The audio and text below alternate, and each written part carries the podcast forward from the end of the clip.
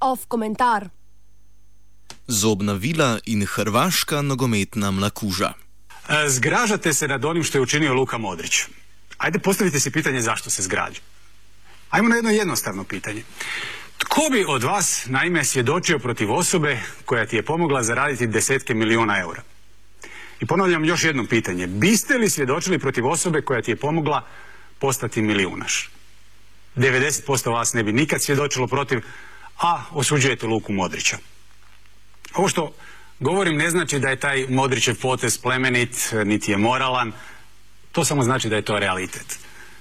Naravno, pitat ćete se, a što je s onom Lukinom izjavom da mu je Hrvatska, da mu je Hrvatska reprezentacija svetinja?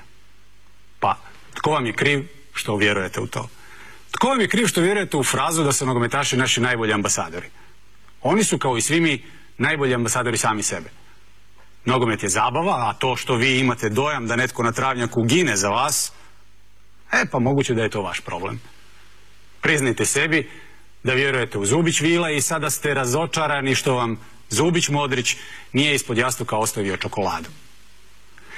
Velika većina nas na ovome svijetu prvenstveno misli na sebe i rijetki su ti koji su u razmišljanju o višim ciljevima i idealima. Nije tu Luka nikakav izuzetak.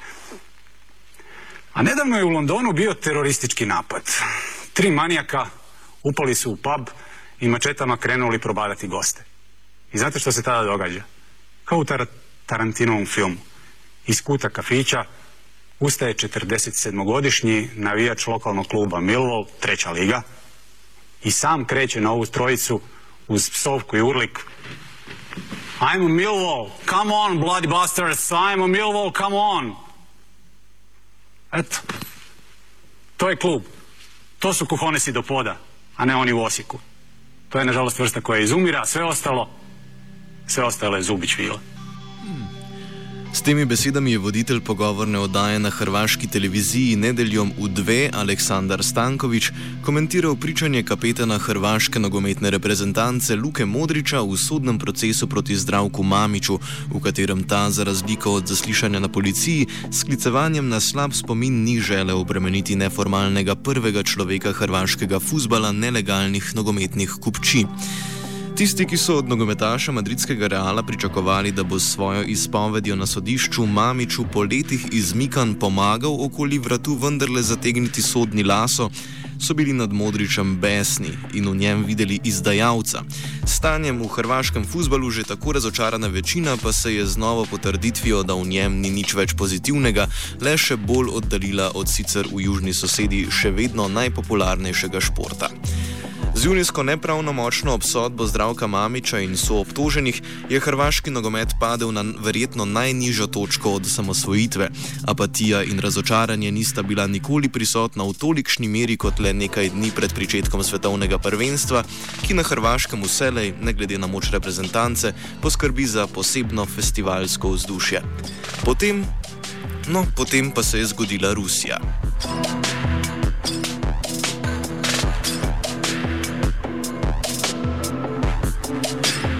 Morda so ravno kaotične razmere in pomankanje vsakršne dolgoročne strategije, ki se je odražalo tudi v igri, kakor je že med prvenstvom za Guardian ugotavljal lucidni Aleksandar Holiga, v kombinaciji z inatom reprezentantov poskrbele za največji uspeh hrvaškega nogometa. Izjemno talentirana generacija je vrsto let beležila neuspehe, očitkom, da najboljše igre kažejo zgolj v klubskih dresih, pa so se v primeru Modriča, Laurena in Sojenja Mamiču pridružili še ob nogometni. Ti so ob naslovu svetovnih viceprvakov izginili.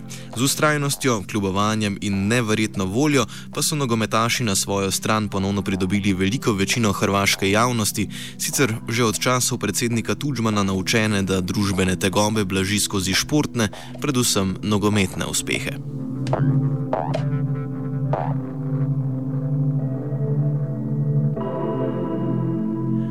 Z uspehom, ki, kot je nekdo komentiral, dokazuje, da so možne tudi najbolj nemogoče stvari, sta se ponovno vrnila tudi vera v Stankovičevo zobno vilo iz uvoda in upanje, da bodo nogometaši uspeh izkoristili in aktivno pripomogli k spremembam v hrvaškem nogometu.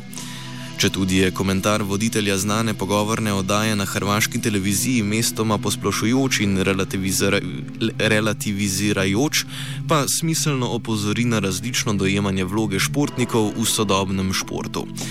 Ti naj bi imeli po prepričanju precejšnjega dela javnosti tudi družbeno odgovornost, prvenstveno svojim športnim, pa tudi siceršnjim delovanjem, pa naj bi skrbeli oziroma vsaj stremeli k skupnemu dobremu.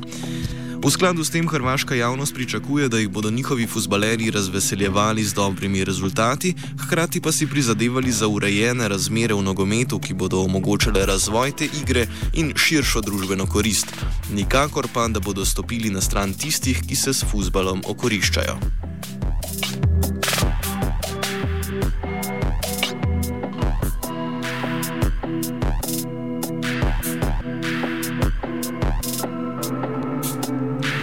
Toda totalna profesionalizacija in komercializacija futbola sta že tako redke nogometaše, ki so si privoščili družbeni ali politični angažma, še zreducirali. Izleti posameznikov na polje nenogometnega pa imajo največkrat zgolj promocijske namene. Hrvaški nogometaši so dojel tega, ob tem pa so za to nogometno okolje značilne še nekatere druge specifike. Hrvaški šport in v prvi vrsti nogomet je bil skozi 90-ta leta močno instrumentaliziran strani takrat vladajoče desnice, kar ima vidne posledice danes. Igranje za nacionalno vrsto je za mnoge še vedno inherentno domoljubju, ki ga morajo reprezentanti izkazovati tudi izven igrišč. V novem mileniju hrvaška desnica vpliv nogometu ohranja predvsem prek prepletenosti stranke HDZ z vrhom Hrvaške nogometne zveze, vključno z Zdravkom Mamičem. Ta se rad pohvali, da je drugi oče večini aktualne srebrne generacije, s tem, ko je nogometašem skozi Dinamo pomagal do bogatih pogodb v tujini, pa si je zagotovil ne le finančne koristi, pač pa tudi dolgotrajen vpliv na mnoge od njih.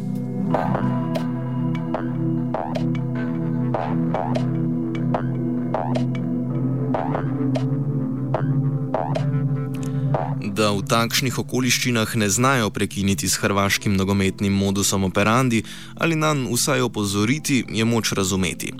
Toliko bolj, če upoštevamo, da se od vrhunskih športnikov že od začetka zahteva maksimalna osredotočenost le na same treninge in lasten športni razvoj, namesto širjenja zanimanja pa se vzpodbuja zapostavljanje ostalih dejavnosti, celo izobrazbe. Tudi številni hrvaški nogometaši se, kot v svoji zadnji knjigi Nogomet in politika, ugotavlja sociolog Dražen Lalič, še vedno soočajo s pomankanjem kulturnega kapitala. Z te pozicije pa toliko teže kritično presojajo družbene, pa tudi obnogometne okoliščine.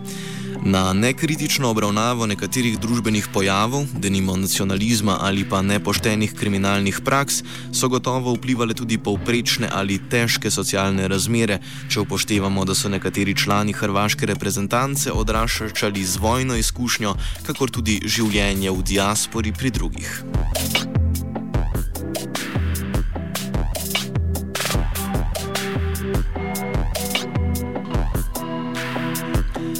Zahteve javnosti, da se aktualni svetovni viceprvaki zoprstavijo anomalijam v hrvaškem nogometu, so morda res prevelike in celo krivične, a v okoliščinah, ko se tega ne loti nihče drug, na nek način logične.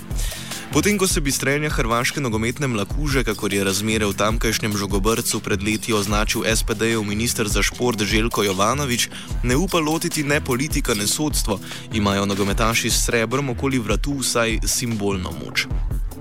Revolucije ne gre pričakovati. Tudi bronasta generacija iz leta 1998 z Zvonimirjem Bobanom na čelu je spregovorila šele po karieri.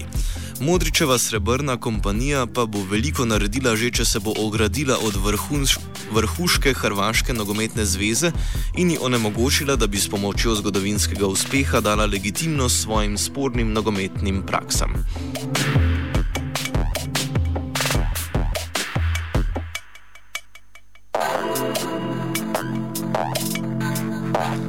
Vrhuško je komentiral Marcen.